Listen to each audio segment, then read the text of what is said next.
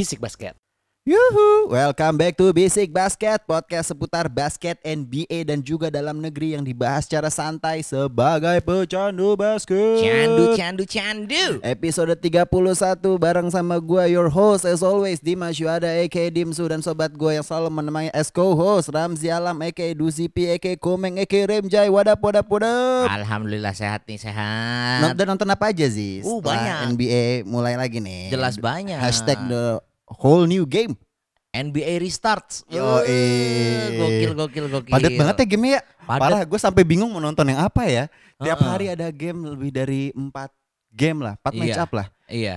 Pasti lu nonton Lakers doang? Enggak. Enggak dong. sih, enggak tadi sih. enggak kan? Enggak, tadi kan enggak nggak kok, main, tenang tapi aja. nonton. Tenang aja, gue enggak kok. Hari ini gue tadi nonton sebuah game yang menurut gue seru banget dan apa ya? Bakal kita bahas lah nanti pokoknya. Siap. Ya. Thank you buat bosnya Bisik Media yang udah nge-provide kita NBA app. Iya, iya, iya, iya, iya, iya. Subscriptionnya. thank you, thank you, thank you. Jadi kita bisa nontonnya nggak cuma highlight tapi full Mm, game. mm, Yo, mm. iya, Dan pokoknya live. jangan lupa kalau misalnya kalian ini mau nonton bisa di video.com dan juga di Oh ya ada NBA app ya, juga, ada di ya. video.com. Oke, langsung aja nih. Kita Apa udah kemarin ngomongin ngeprediksiin duo LA. Mm-mm. Ternyata dimenangkan oleh LA yang purple and gold. Tight game ya. easy tetap gue bilang. 103 101. Mm-mm. Ah, Zi, lu- menurut lu apa nih? Kalau menurut gua banyak yang kurangnya dari game ini. Kalau lebihnya banyak. Iya. Tapi kalau yang kurangnya itu banyak yang para penonton NBA dan pecinta basket tuh nggak sadari. Kira-kira Apa? apa, Ji? Kalau buat gue gini, ini salah satu gue mengutip dari kata-kata komentator ya. Ya. Karena ini lagi baru mulai lah ya, baru dan hmm. mereka badannya belum build lagi atau mungkin apa secara permainan juga mereka belum belum nyetel lagi lah. Mm. Eh, buat gua dia dia ngomong bahwa di awal-awal pasti mereka akan jago defense Pasti. daripada offense. Ya. Dan ini yang ketahu kelihatan banget. Hmm. Low scoring loh jatuhnya ini kan. Cuman 103 101. Iya. Sedangkan game nanti yang selanjutnya udah Oh, parah sekali. uh, parah sekali. Tapi bukan yang LA ini kan? Mm-mm, bukan yang Ya. LA ini, Mm. tapi LA ini menurut gua ya defense-nya bagus banget Iya. keduanya gitu loh. Ah. Dan buat gua ini ada unsur hoki sih, terutama di last shotnya LeBron. pas LeBron ya. Ah. Heeh. Mulai becek nggak lo? Mulai Aduh. Asli Ketemu like Clippers ya kan langsung Ramzi nih. itu Uh, gitu lah. bisa rebound loh, Cuk. Anjir itu empat Iya. orang loh di sekitarnya dia. Iya, ah, ah, makanya. Dan eh ini bisa juga sekalian kayak waktu sebelum-sebelumnya zaman-zaman yang mereka kan eh pertemuan tiga pertemuan sebelumnya. Iya. Clippers tuh udah u- menang dua kali kan. bener. Lakers baru menang sekali. Iya, yang terakhir ya. Iya. Mm-mm. Dan dari dulu itu LeBron tuh dicengin, ya kan? Kenapa lu nggak pernah mau di match up sama either PG. Iya, atau Kawhi? ah, ah, ah. Dikasih tahu Jo anjing. Langsung Bangsat terjawab ya. anjing. Gue ngomonginnya kekurangannya apa tiba-tiba ngenaikin LeBron anjing emang Ramzi bridgingnya. Bagus dong. Bener, bener, Ya, bener, tapi, bener, ya. Tapi menurut gua Ya. itu gini, eh gue juga melihat di belakangan ini di beberapa game terakhir juga mereka banyak banget mulai berani untuk take charge.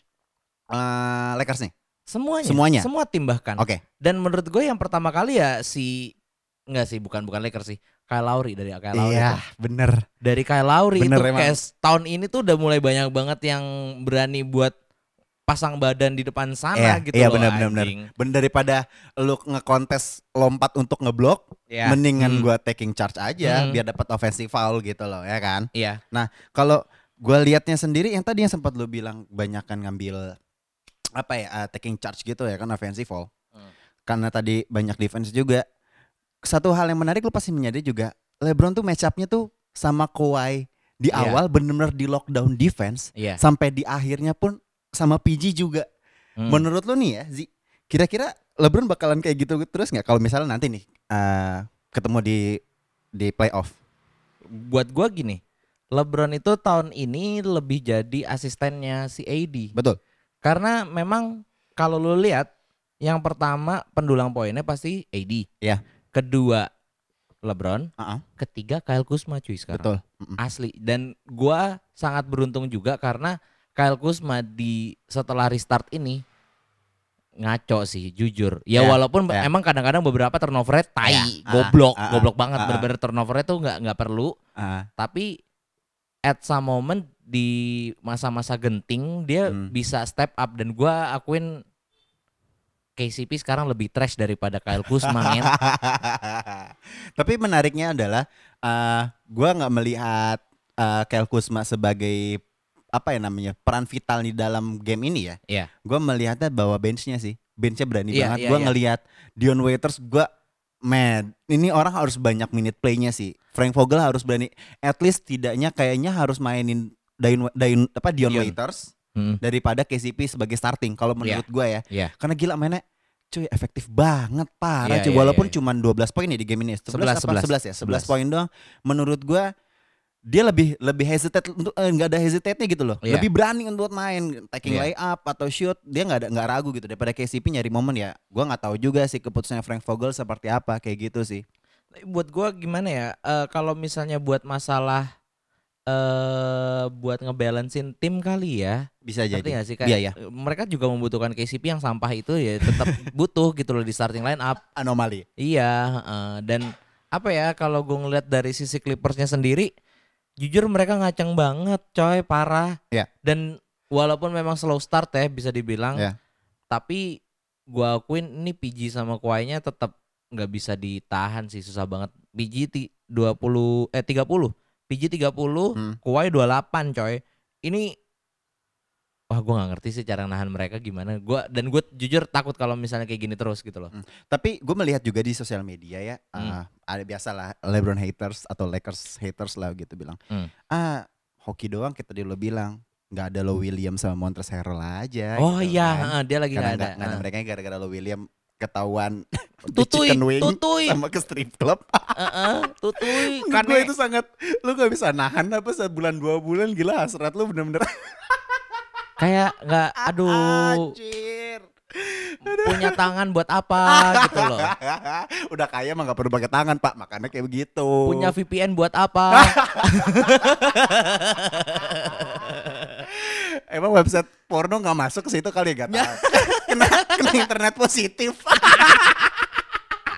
sampah anjing nah gitu maksud gua Iya. kayak ya kayak tadi lo bilang hoki Nah. aja karena nggak ada lo William sama Harrell dan mereka kan salah satu dua kandidat segment of the year ya. Iya, dan mereka betul. salah satu pendulang poin di benchnya Clippers yang sangat dominan lah. Mungkin karena ya gua khawatirnya sebagai ya kita sebagai fans Lakers itu sih kekhawatiran utama gue menurut gue itu sih.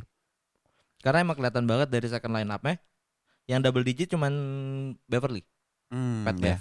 Pat Da- Bev ya. Sedangkan kalau dari Lakers justru yang gacor di second line up ya De- Dion Waiters 11, Kyle Kuzma 16, Caruso 7.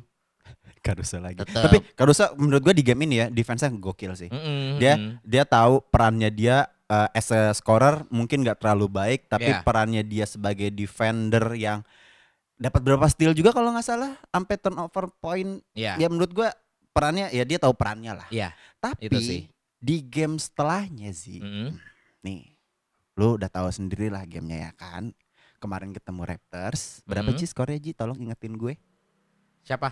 Kayak Oh, Lakers iya. lawan Iya, iya. Toronto. Itu goblok sih jujur gua aduh gimana ya kayak capek juga gitu loh ngeliatinnya 92 107 anjing. Jauh. Gimana gimana gimana? Lu analisa dulu coba kayak gimana? Gimana ya? Ini nggak tahu mungkin memandang sebelah mata Raptors kali ya. Hmm, bisa jadi. Karena udah kehilangan Kuwait dan ternyata Siakam bisa gacor banget dan gua akuin match up di match up sama siapa pun Siakam wah anjing gitu loh bener-bener nih orang Iya. jago banget Iya, gitu loh gua akuin.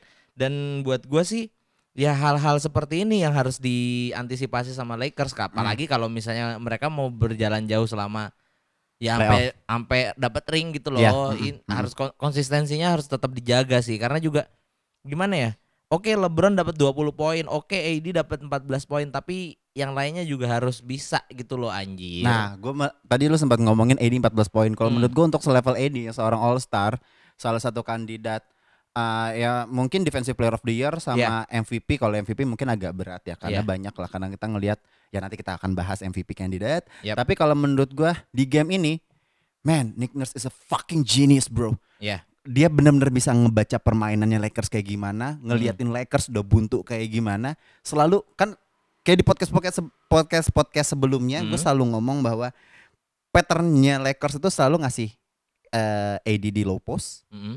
Selalu ya dia main sendiri abis. Iya. Terbukti di situ. Iya. Kemarin gua ngeliat nggak ada sama sekali edit point kayak begitu. Lalu tahu apa? Langsung di double team.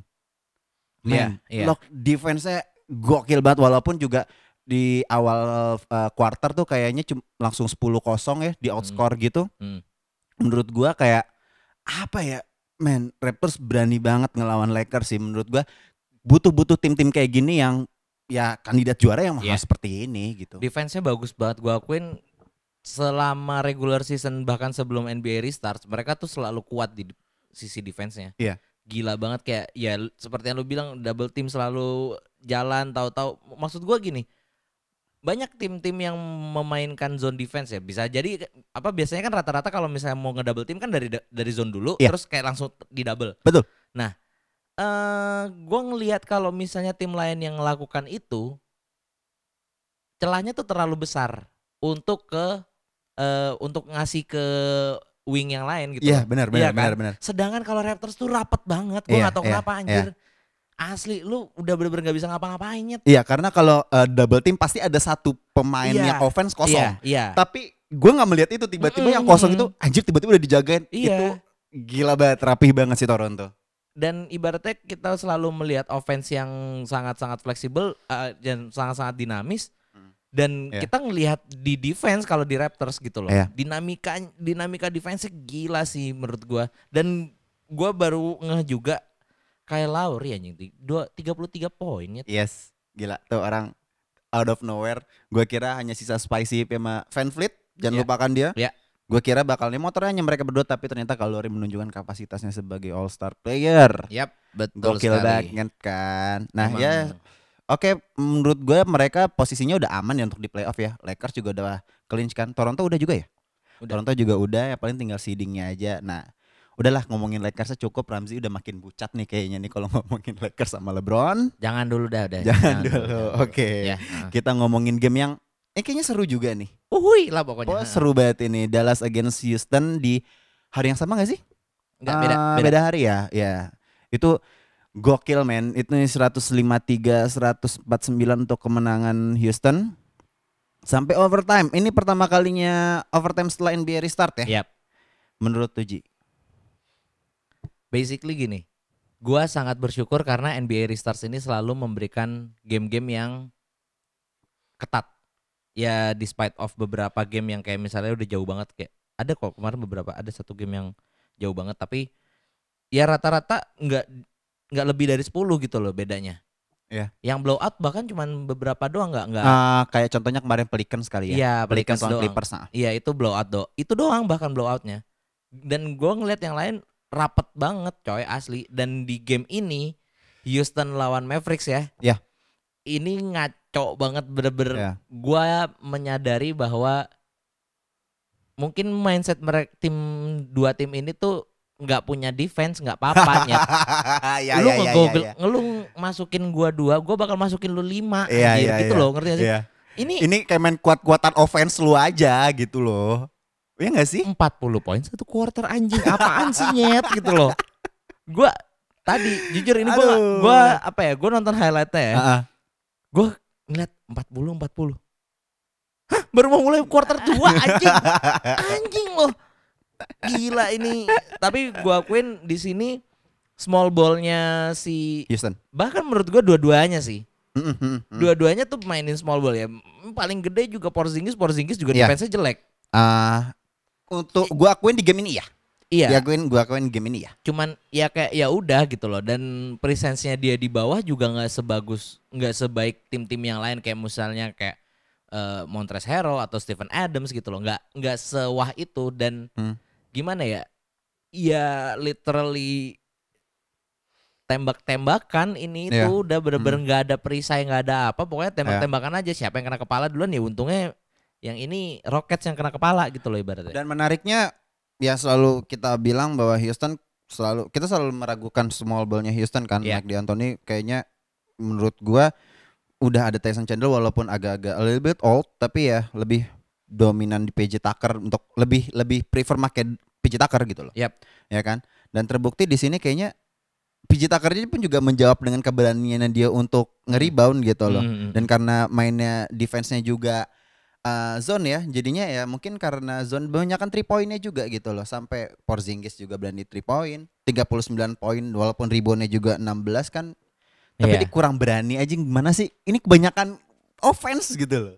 nggak aduh nggak tahu deh gua nggak ngerti masalahnya ya udah kebanyakan offense kagak mikirin defense Ah. ya kebetulan juga dua-duanya wangi gitu loh Iya, iya. iya. makanya gua aduh gua ngeliat game ini tuh kayak sebenarnya ya kalau misalnya untuk pihak netral pasti seneng Iya. tapi untuk pihak yang masih yang mendukung masing-masing tim menurut gua mereka nggak bakal seneng karena defense-nya hancur banget Iya.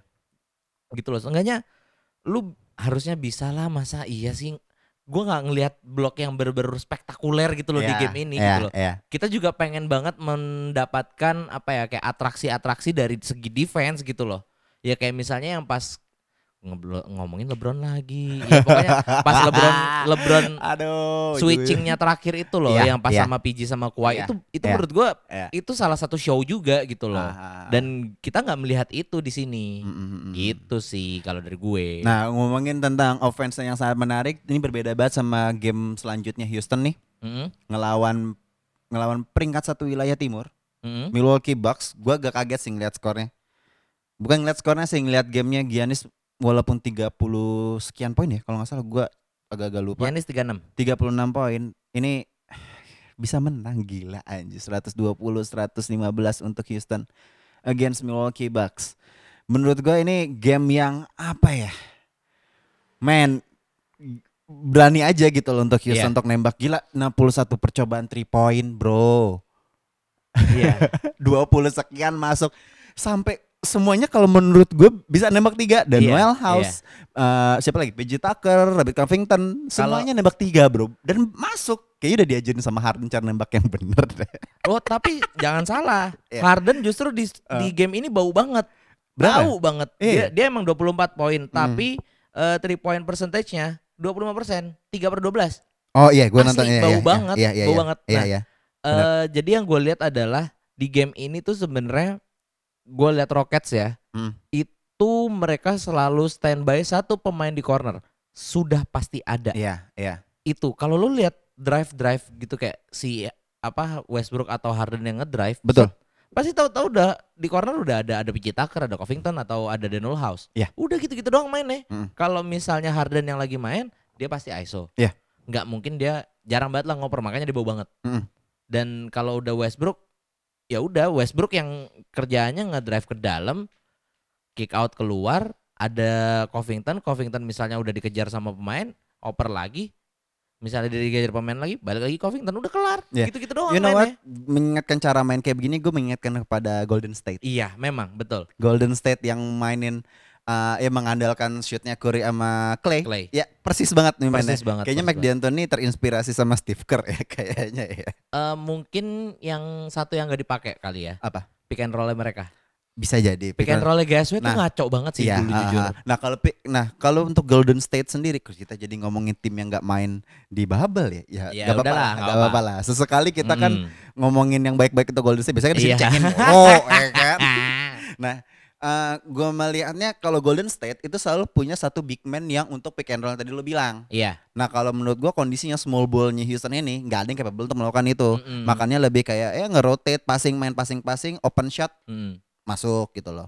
Makanya eh kita ngeliat juga di sini Bucks-nya juga wangi banget ya. Si siapa ya? Si apa namanya? Chris Middleton juga Chris kayaknya bisa Middleton juga. nge-backup si Giannis juga tapi Middleton 27. 27 kan menurut gua kayak apa ya? Apa yang kurang dari Milwaukee Bucks ya? Gua agak concernnya ke Milwaukee tuh kayak kalau bermainnya nggak ada lack of chemistry I think. Nope. Enggak Buat ya? gue sih enggak sih. Enggak ya? Karena Karena gua lagi bau aja. Apa emang lagi bukan harinya aja? baunya tuh bukan di offense bahkan di defense. Ya Hmm. emang maksudnya eh, zone defense mereka kacau. Kacau Hmm, banget. hmm. Gue ngeliat banget kayak ya elah Houston offense-nya gitu-gitu doang Ah, ya. ah. Dan Ya ya ya. maksudnya kayak ya udah Russell Westbrook ISO ISO ISO tiba-tiba ketarik satu pemain yang harusnya ngejaga PJ Tucker atau Iya. ngejaga Covington selesai Ah, dikasih Iya, gitu gua kayak ada satu hal menarik kayak yang tadi lu bilang defense agak bapuk. Gue ngelihatnya di first half Hmm. kayaknya Milwaukee nggak menempatkan satu center deh. Brooklyn eh, Brook Lopez sama Robin Lopez gak sempat dibanding kayaknya lagi coba-cobanya Mike Budenholzer. Kayaknya ya gua nggak tahu ya. Makanya bapok banget gitu loh. Kayak di first di first quarter tuh eh, leading jauh banget Milwaukee sampai di first half itu sampai 21-5 di outscore. Run.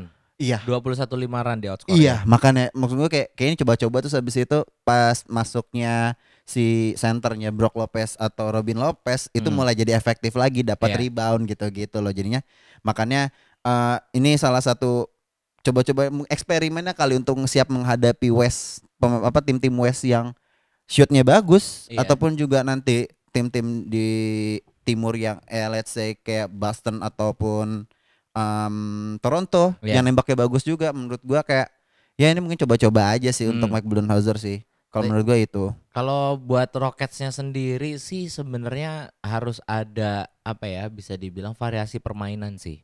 Hmm. Seandainya itu ketemu Raptors kelarnya, iya asli sebenarnya kelar Iya, banget itu. iya. Kalau Raptors sudah diketemuin kayak gituan, alah easy peasy lemon squeezy gitu loh. Ayo kita jacuzzi. aduh iya sih gua gua nggak ngerti Raptors main ditinggal Kawhi malah makin solid Iya sih. iya kan Iya sih. lu menyadari itu nggak sih. sih Ngaco sih. Makanya kemarin ya podcast episode kemarin gue bilang kalau misalnya gue nggak ragu untuk Raptors bakal juara lagi sih. Walaupun tantangannya ya Bucks sih paling sih untuk lolos ke NBA final ya. Enggak gua ragu sih karena Lakers harus juara. Ye, Balik lagi. Dikit lah. Oke untuk review kayaknya cukup aja nih kita nontonnya yang tim itu, itu aja karena Iya. banyak yang tim kayak Magic, Spurs kita nggak ada waktunya untuk nonton. intinya semuanya intinya semuanya harus step up the game dan Ya. kita sangat-sangat beruntung karena Mm-mm. blowout gamenya kayaknya cuma satu doang dari Iya. semua game yang sudah dijalannya di belakangan ini Iya ya. benar karena juga minggu depan sudah mau kayaknya ini regular seasonnya juga cuma sampai minggu depan doang. Yap. Minggu ketiga Agustus kita sudah masuk playoff. Yap. Tapi ini gue bikin hot takes-nya sih sebenarnya gue habis baca-baca ya. Hmm. Ternyata NBA udah ada NBA MVP apa NBA award voting. Ah. Tapi ini lucu aja makanya gue kayaknya bikin hot take ini kayak gue bingung sih. Tapi ya udahlah nggak apa-apa lah. Oke. Menurut lo nih who's the most eligible MVP candidate for you? So, eh, ya kandidatnya pasti obviously Giannis sama LeBron. Hmm. Tapi kan NBA udah ngasih statement bahwa eh, penghitungan poin eh, untuk penghitungan performasi pemainnya itu hanya sampai 11 Maret jadi sebelum pandemi ini. Oke. Jadi setelah nanti eh, pas di NBA bubble ini nggak ada hitungannya untuk sebagai MVP candidate. Udah keluar sih, apa maksudnya udah ada beberapa survei yang bilang bahwa ya pasti Giannis bakal back to back MVP lagi. Tapi gue mau ngasih satu aja nih. Salah satu apa ya ibaratnya ya, exception lah pengecualian Hmm. kalau misalnya dihitung sampai nanti playoff yang di bubble ini dihitung performanya menurut lu Hmm. siapa nih kira-kira pas tetap Giannis atau lu punya kandidat lain Ada kandidat lain. siapa LeBron lagi sih. Iyalah. Tapi menurut gua gini sih. Eh, gua malah sebenarnya kayak pengennya kayak mau ngelihat yang si peringkat ketiganya sih. Gue lebih Hmm, hmm, oke daripada kita ngobrolin yang satu duanya satu duanya tiganya yang chance lah Iya, kayak semacam honorable mention lah iya. ya oke heeh. oke boleh boleh boleh silakan Gue bakal naruh Doncic sih di situ. Doncic ya Iya, Doncic se sewah itu ya menurut lu ya iya. Either Doncic atau Pascal. Pascal Pascal. serius loh Serius. alasannya apa Pascal Menurut gua kalau misalnya Kawhi, Kawhi karena kebantu biji juga dan oke Kawhi memang bagus banget mainnya tahun Iya, ini ya. hmm. Tapi gua nggak melihat apa ya? Dia mempunyai apa ya kayak roh di buat timnya gitu loh. Hmm, Sedangkan Oke. kalau Pascal sama Doncic itu udah udah rohnya, roh dari masing-masing tim ya gitu. kalau loh. lu menyebutkan nama klub itu oh pasti yang di ini iya, pemain itu uh-uh, gitu oke gitu. oke Nah, gua sebenarnya eh, concern gua karena itu sih. Kenapa gua naruh Doncic atau Pascal Siakam di nomor tiga bahkan Hmm, hmm, hmm, hmm, hmm. dibanding kayak iya mungkin orang bakal bilang ada yang mungkin para pendengar juga ada yang bilang mungkin si Fitri Iya bisa, gue juga membaca itu sih ada si iya Fitri juga. atau mungkin siapa lagi ya hmm, Devin Booker mungkin yang nggak mungkin namanya cuma gitu kan Damian Lillard Ah, siapa? Hmm, musim depan jatuh pasti pasti akan lu coret sih, pasti akan lu coret karena Enggak, lu benci enggak. tim ya. enggak musim depan kan pindah lah kan udah jadi cover kan udah jadi cover ya kan Ya, we'll see, we'll see, we'll see.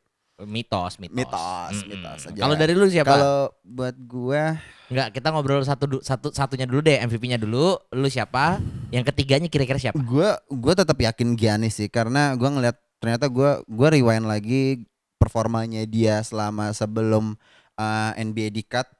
Gua melihat dia tuh men performanya dia ternyata gila gitu loh. Iya. Gilanya tuh bukan karena dia poinnya banyak atau apa ya kalau poin banyak banyak yang pemain juga yang seperti itu Iya, pendulang ah. poin dengan statistiknya banyak tapi gue melihatnya dia minute playnya tuh under 32 minutes Iya. jadi mainnya tuh sangat dikit tapi dia bisa poinnya sama kayak main yang full full court eh full full time gitu loh Iya.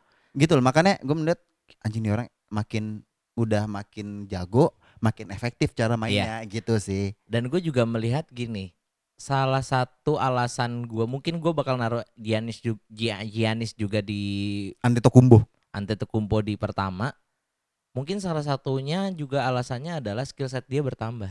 hmm, Iya nggak sih? oke Dia nggak cuma drive doang sekarang. betul Oke, dia drive udah makin mematikan dan dia udah punya ya satu kita senjata kita, baru. kita kita tahu lah pasti itu garansi poin gitu loh. Iya, dan ibaratnya dia lagi ISO pun kalau misalnya defendernya agak kejauhan ya udah dia berani gitu loh Iya. sekarang. Nggak kayak yang nomor nomor 25 dari 76ers itu. The boy from Australia. Iya, itulah dia lah pokoknya. The Prince Ben Iya, Simmons. iya, iya, iya. Eh, Kalau lu membandingkan dengan Ben Simmons, karena apa? Posturnya sama kah? Jarak mainnya bersama kah? Coast to coast? Gaya mainnya hampir sama, Ya, oke. tapi dia nggak berani nge-shoot. Udah gitu aja. Eh, tapi kan kemarin sempat poin, cu. Ya Ben jembut, ya cuman sempet doang aja. Scrimmage doang Ya ya. scrimmage doang. Ayolah. Ini waktu iya, iya. dulu gua pernah naruh pas gua jadi admin dari Bisik Media. Oh, sekarang udah bukan ya? Udah bukan. Iya, iya. Pas Akhirnya itu terjawab. gue pernah gimana? pernah ngepost tentang Ben Simmons yang woi gila latihan ngedidrill kan Ya, ya, ya. corner shoot berapa Kita kali sangat tidak percaya akan Mm-mm. hal itu. pas in game aja aduh 0 dari 8 Balik sempak. lagi eh, 0 dari coast to 0 coast bahkan mainnya. Mm, gitu Tapi dia sih. lebih, gue udah lama ngikutin Sixers ya. Dia masih Iya. mid range jumper gak sih? Atau mainnya uh, attacking the rim and layup, attacking fouls atau gimana? udah jarang sih dia Udah jarang ya? Heeh, Gue shootingnya. agak-agak, gue udah ngikutin Sixers sih Iya. sorry. oke eh Oh, bentar dulu, nambah di nomor satu. dua, di nomor dua. Oh, Eh, nomor nomor gua dua, dua, gua dua. Iya nomor dua lu siapa Dua gua LeBron obviously, Iya. nomor tiga gua Ih menarik nih menarik Bird nih. sih. oke ya Bird sih. iya Karena sih. gua ingat uh, statistiknya dia sebelum uh, NBA di cut pandemi ini, dia tuh sempat berapa game tuh rataan ya. 40 poin per gamenya. Iya. Wow, gua menurut gua dan makanya sempat gua bi- makan tadi gua bilang kalau misalnya ada exception ntar nih di NBA bubble ini dihitung juga. Gue yakin kayaknya Giannis kegeser sih. Karena ngelihat performanya Harden nih, lu lihat kemarin yang pas di game lawan Dallas di 49 poin, Hmm. sekarang berapa ya? Gue lupa 20 sekian yang tadi lawan Iya. Milwaukee. Iya. Maksud menurut gua men ini orang makin makin gahar makin sih. gahar sih. Terus habis Gahar. itu lu lihat gak walaupun kita nggak percaya dengan workoutnya dia Hmm. yang di Bleacher Report lu ngeliat gak sih yang dia walk footwork kayak Tahu, gitu-gitu tahu, tahu. loh Fancy ya kan? footwork itu. Fan work- oh walk, footworknya itu aduh cuh, gitu lah pokoknya gua nggak percaya tap nggak percaya dengan working workingnya begitulah tapi menurut gua Harden kualitasnya harus lu percaya sih Iya, memang gila ya jelas lah maksudnya Ah. ya mungkin dia gue taruh di empat sih. Ah, Tiga masih tetap punya Doncic atau Siakam. tapi Doncic kalau menurut gua ada waktunya sih Iya, karena ngelihat gua ngelihat ada Giannis masih even masih ada LeBron masih ada abang-abangannya lah senior seniornya abang-abangannya. menurut gue masih akan sulit tapi kalau untuk beberapa tahun ke depan he's gonna be dominated this Yeah. league bro Yeah. bareng sama Zion bareng sama Ja who knows bakal banyak pemain-pemain baru di NBA ya Ya, kita nikmatin aja lah ya veteran-veteran ini Hmm. masa-masa jayanya LeBron juga he's 35 bro Udah mau- nikmatin aja iya. lah ya kan Iya. oke Eh, eh gua tadi lu nambahin siapa Sama- mau nambah satu nambahin lagi. apa nih di empat lu Oh, empat gua. enggak tadi lu mau nambahin apa Enggak. Jadi yang mau gue tambahin adalah Mm-mm. gini. Ini gue sempat denger obrolan gitu kan di, de- antar komentator biasa. sumber Ewan gak nih Iya. Ewan lah ya Nggak, antar komentator di sana lah pokoknya. Dia bilang ada kecenderungan NBA bubble ini sedikit memihak kepada tim-tim yang jago on the road. Hmm, gimana tuh elaborate coba Contohnya Mm-mm. Sixers caur oke karena mereka nggak di home. Oh ya kan, ya. ya kan. Kita sering bahas ini ya. Iya Ya, dan itu benar. menurut gua sangat-sangat apa ya ya memang oke ini bakal jadi tempat yang netral bahkan untuk keduanya ya. Ya mungkin memang kalau lu lihat sekarang NBA udah restarts Eh. dan logo-logonya masih tetap ini terus kayak apa yang virtual set buat penontonnya Iya. memang diarahin ke arah tim yang home-nya. But that ya udah cuma gitu doang kan nggak berarti Ah. itu tuh ada dukungan penuh gitu iya, lah ya. iya, Lu iya, tetap iya. sama aja kayak netral gitu Iya. loh. Lu menyerupai ambience-nya tapi lu nggak bisa menyamai yang aslinya Iya, gitu loh. Lu nggak heeh. akan bisa ya nge-boost up morality-nya tuh harus bener dukungan langsung penuh lu teriakan yang secara real Mm, gitu loh. mm, mm, Lu- mm. Gua ngerti sih maksudnya Iya, kayak gitu sih. Menurut lu pribadi nih, Mm. siapa yang paling terefek lah, terdampak akan hal itu selain 76ers? Lakers. Lakers. Lakers. Gua menurut gua Lakers tim yang sangat hype banget lo ya lu lihat sendiri LeBron AD terus benchnya yang weh lu ngerti sendiri lah hype-nya Hmm, kayak gimana iya. menurut gua Lakers salah satu tim yang punya fan base terbaik karena eh, of course mereka tim big market gitu loh. Hmm. Salah satu tim terbaik di dunia juga. Jadi kalau menurut gua selain Sixers Hmm. kehilangan banget karena ada bubble ini tanpa ada penonton menurut gua Lakers. Lakers ya. Nah, balik lagi nih kalau menurut lu, menurut lu dengan seperti ini yang tadi gue statement gue bilang, Lakers bakal berpengaruh. Lu tetap Hmm. yakin Lakers bakal juara? Enggak tahu sih. Tiba-tiba. Enggak, tapi gue pengen gini gini. Gitu, gitu, gitu. Gue pengennya tetap Pengen Lakers tetap yang Lakers juara. juara. Heeh, Eh. Cuman kalau misalnya sekarang gini deh, selama musim ini tuh emang dia tuh nggak terlalu konsisten sebenarnya, ngerti nggak sih? betul, betul. ya memang menang-menang mulu, tapi kadang-kadang menangnya nggak meyakinkan gitu loh. Iya. Nah itu yang sebenarnya jadi momok banget buat ya kita para fans LeBron ya terutama Iya. itu jadi momok gitu loh karena Ah, ya gimana ya tim-tim yang lain tuh juga kayak step up the game-nya ngaco banget Iya, iya, gitu iya. loh. gue melihatnya malah patternnya Lakers adalah kalau ketemu tim yang bagus ya, terus gaya bermainnya berbeda aja dikit, goyang langsung, ngerti Iya, nggak sih? Iya. langsung wah bingung nih mau kayak gimana Hmm. kayak gitu dan benchnya menurut gua walaupun bagus tapi gua nggak tahu nggak nggak nggak se nggak sebagus yang dimiliki oleh Clippers sorry itu saya kalau menurut gua Iya. karena ya mungkin apa ya masih banyak hal yang harus diimprove dari benchnya Yap. atau mungkin karena benchnya banyak kan pemain tua sorry menurut gua mungkin salah satu faktor karena gua melihat pemain yang benchnya deep juga kayak Clippers atau siapa lagi kayak Toronto mungkin atau kayak ya banyak lah maksud gua kayak kalau Clippers kan pemainnya kayak yang benchnya tuh ya Lou William, Lonzo Shamet sama Montrezl Harrell itu pemain-pemain yang Wah. yang nggak ada nggak ada key playernya nggak ada dua yang kayak Kawhi sama PG mereka tetap bisa ngebantu gitu loh Iya. dan gua nggak melihat itu di Lakers gitu Hmm. nah makanya gue melihat kemarin ada Dion Waiters kayak begitu pemain efektif ini salah satu harapan sih kalau Iya, menurut gue iya. dan adanya GR GR juga kita nggak ngelihatnya kemarin scrimmage sempat 20 poin Mm-mm. karena kebanyakan minute playnya karena eh, LeBron sama AD nggak main ya lagi disimpan. ya disimpan aja kan menurut itu, gue itu salah satu game hal terakhir sebelum sebelum mulai kan. Mm-mm. Ah, itu menurut gua salah satu cara yang bagus buat Frank Vogel Yep. sih.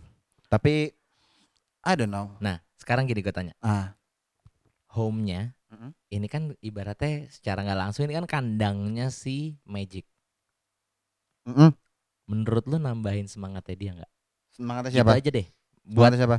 Orlando Magic lah. Buat Enggak. ngedapetin apa playoff spot karena ya No. kita tahu dia sekarang di posisi 7 kan. Lagi Timur ya? Iya. ketar-ketir, Mm-mm. lagi ketar-ketir nih ya kan. Ah, Oke. Cuman Iya beda satu game. Enggak. Menang dari Brooklyn Nets atau eh. Wizards ya udah jauh lah. Enggak kalau kalau karena kalau menurut gua di bubble ini it's all fair. Semuanya nggak ada penonton walaupun tempatnya hanya di Orlando ya menurut gua Magic pun juga nggak nggak ada moralitinya atau nggak ada apa ya ibaratnya nggak nggak bisa nge-hype dirinya timnya juga gitu loh karena nggak ada penonton juga sama Iya, aja gitu iya. loh jadi ya ya semuanya sama lah fair lah walaupun juga yang tadi sempat lo bilang karena ada virtual penontonnya itu Mm. menurut gua eh sama aja Ya gitu ibaratnya tetap ya Orlando Magic still tim mediocre gitu kan. Ya gua nggak mau bilang mediocre tapi itu kenyataannya Iya, anjing, ya kan? anjing kamu emang. Iya, walaupun karena naik gara-gara Jonathan Isaac nggak mau kneeling doang. Lu tahu nggak sih? Terus Jonathan Isaac sekarang cederanya. Langsung turn ACL gua. Anjir, Anjir kasihan banget parah. Tuhan Maha Adil. Gue kira Tuhan maha chill. Saking chillnya gitu. Ah, lu kurang aja lu kualat tuh. Ah, gitu. Oke lah, lanjut. Udah, udah, udah. udah. Udah, teksnya gitu aja makin ngelantur ke mana-mana nih. Oh, nih. tadi lu empat nggak ada, eh, empatnya Harden ya. Gue cuma tiga Iya. aja dah Harden aja. Gue belum melihat Doncic sebagai salah satu MVP, tapi he will bet Ya. nggak Bukan sekarang, sekarang, menurut gua. Oke. Oke, langsung di preview aja nih. Hmm, tadi kita tim udah ngomongin nih Toronto Raptors against Miami Heat besok pagi Nah, hari kita ngeteknya di hari Selasa eh pagi malam eh Apa pagi, sih pagi malam malam? maaf sih Senin malam Yang gua tahu pagi sore. pagi sore Yeay. Yeay placement Eh, placement. Mau Di- dong. boleh mau dong, Rendang. kasih rendang Mm. oke di Selasa pagi nih berarti nih Toronto against Miami who you got Toronto.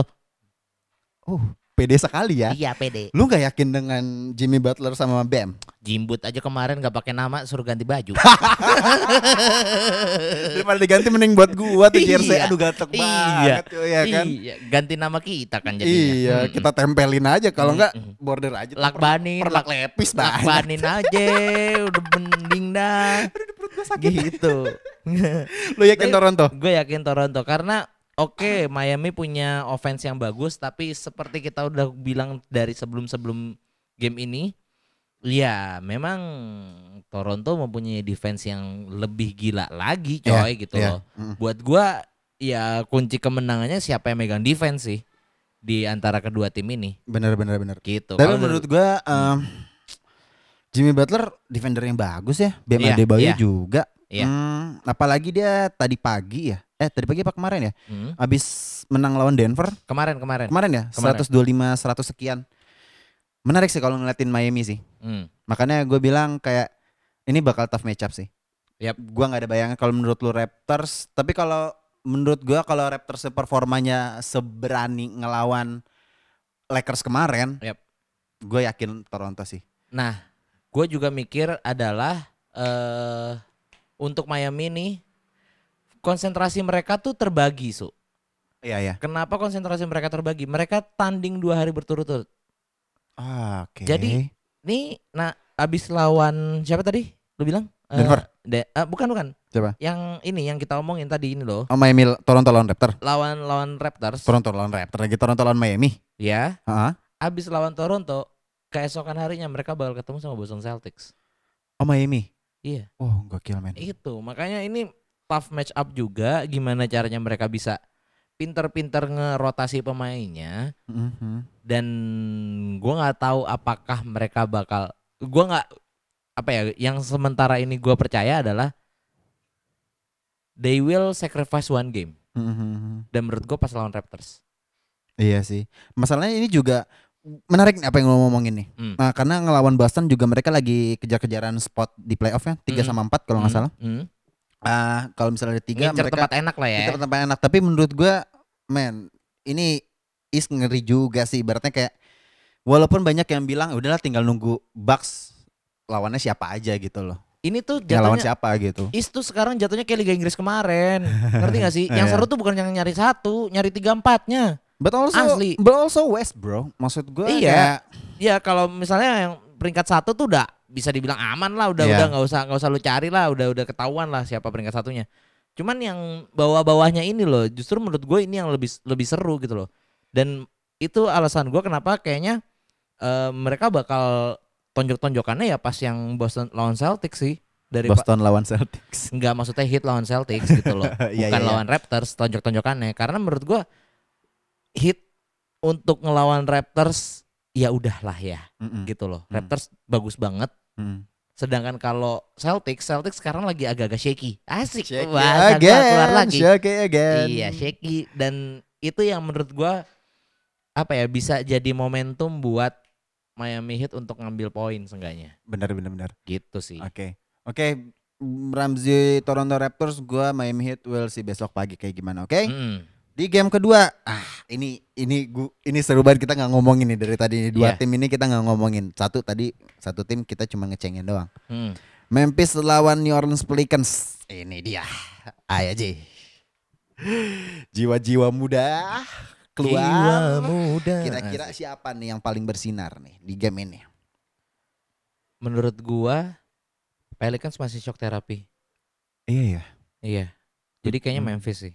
Memphis ya. Iya. Karena so- blow out banget loh maksudnya Ya. pas lawan Clippers itu Mm, mm, gua nggak expect sejauh itu seenggaknya kayak ya mm. bisa memberikan apa ya namanya ya bisa memberikan apa namanya eh perlawanan tapi seenggaknya ya tapi kok balak banget gitu loh Hmm. gua lu tau gak kenapa tadi gua ngomongnya lama karena gue baru keinget Celtics di game sebelum ini Ah. nggak gue balik lagi ke game yang tadi ya Iya. yang hit lawan Toronto Iya.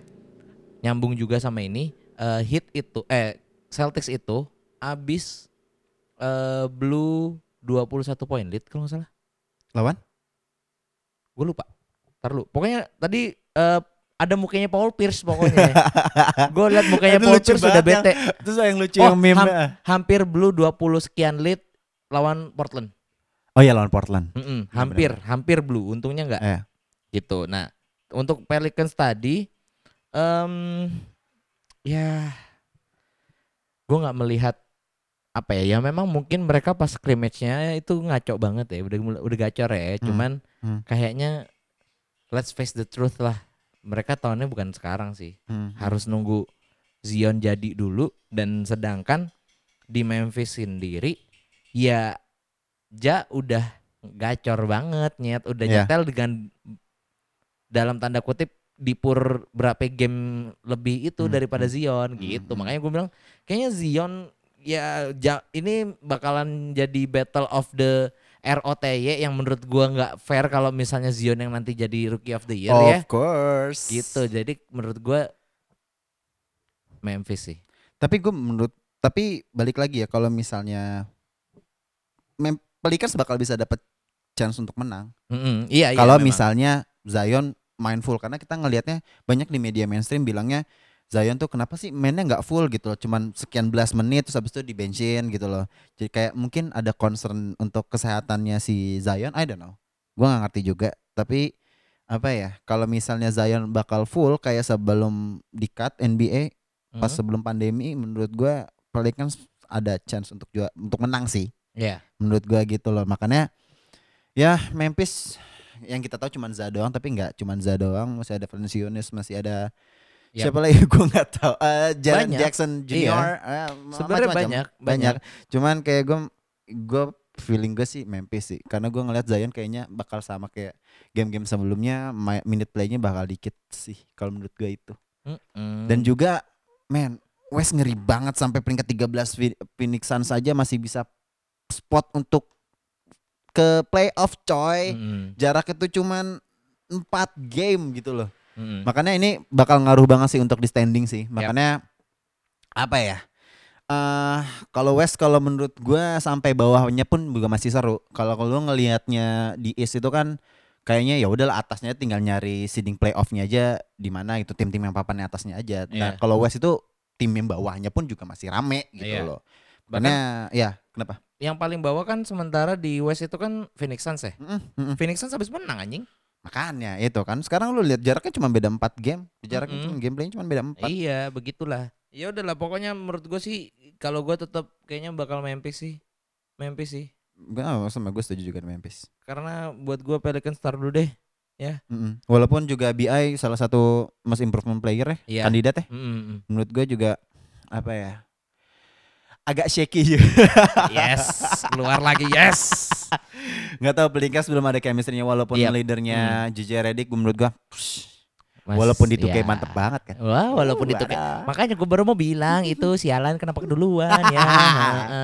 Di Maksud- game lusanya aja nih Ji Mm, langsung mm, aja kita Iya, iya, ngomongin iya. Houston lagi nih. Uhu, ketemu siapa dia?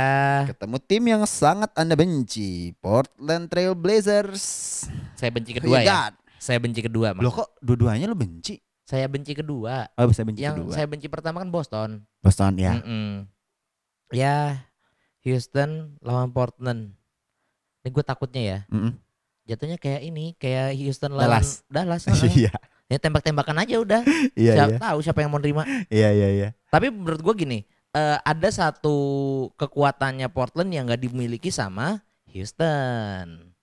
Punya center. Ya benar, Hasan Whiteside. Ah, Hasan Whiteside juga dari ya maksudnya ada pemain besar lah di Betul, sana. betul. Dan mungkin ini akan membuat Mike D'Antoni mikir ini mungkin saatnya untuk memainkan Tyson Chandler.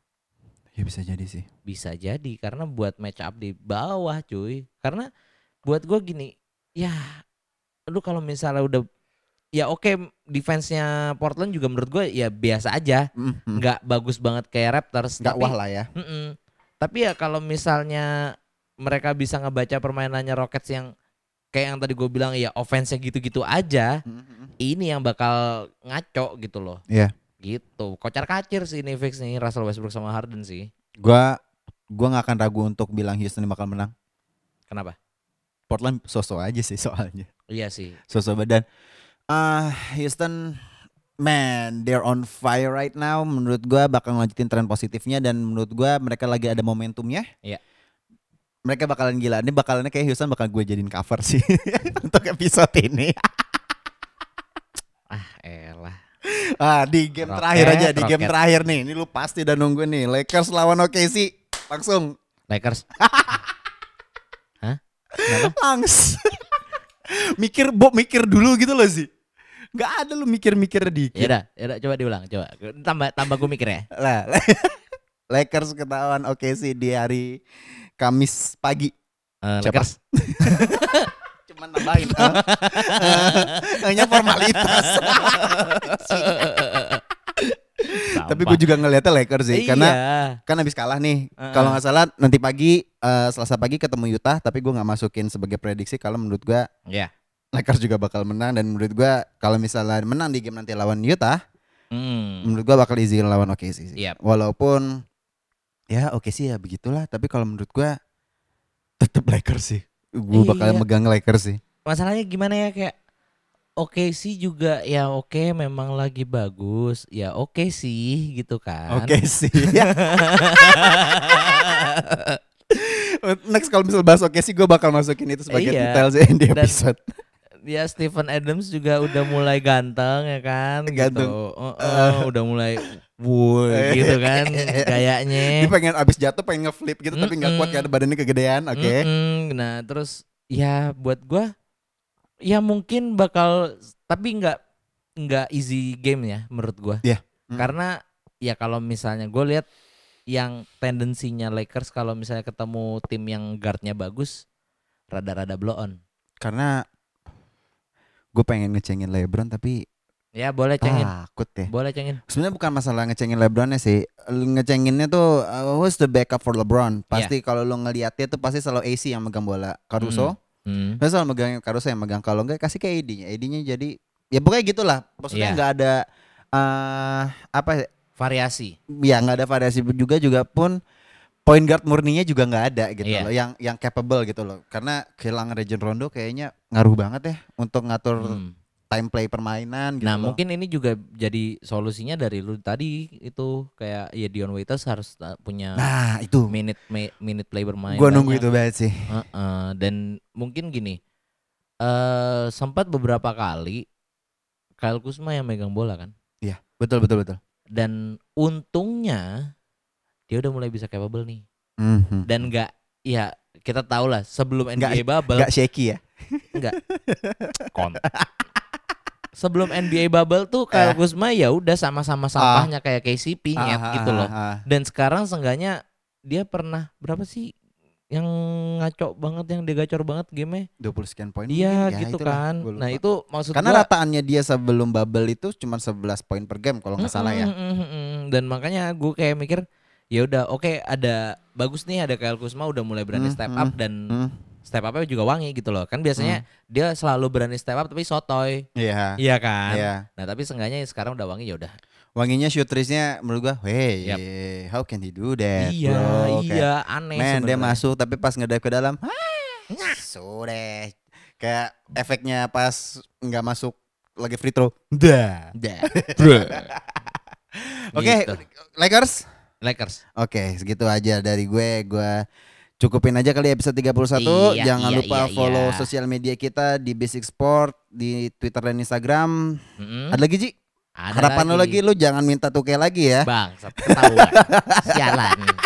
Sialan. Oke, sekian aja episode 31. Eh iya, jangan Apa lagi? lupa dengerin juga salah satu podcast terbaru kita. Ya, di Basic Media ID kita Yap. punya podcast terbaru namanya Podcast, Podcast with with Benefit. Itu podcast tentang kehidupan dan juga kalau sekalian suka bola kita juga punya Basic Bola. Kalian Hmm. cek aja langsung uh, podcastnya di Spotify dan platform podcast kalian. Iya, Nah, dan kan. nanti juga kalau misalnya kalian pengen dengerin tentang sepak bola Ya sepak bola lah ada, ada Well sih, ya, bakal ada produk Bakal baru, tungguin iya, aja. Tungguin aja pokoknya ya. Dan juga komentar di sosial media kita Yap. kasih saran kritik atau juga Hmm. mau berbagai apa namanya kasih komentar di Iya. email kita di bisik apa email kita bisik media ID ya? Bisik Media ID at at gmail.com bilang kayak ah Dimsu nih ngomongnya kecepatan atau Ramzi ngomongnya shaky mulu I don't know Oh, Kasih ya, komentar, Ya, gak sorry apa-apa. sorry, gituin dah pokoknya. oke Dan cukup juga apa shout lagi out ada juga lagi nih, ada nih Oke. shout out juga nih buat AB1MNY34 underscore underscore. Kapan nih podcast lagi anjay katanya.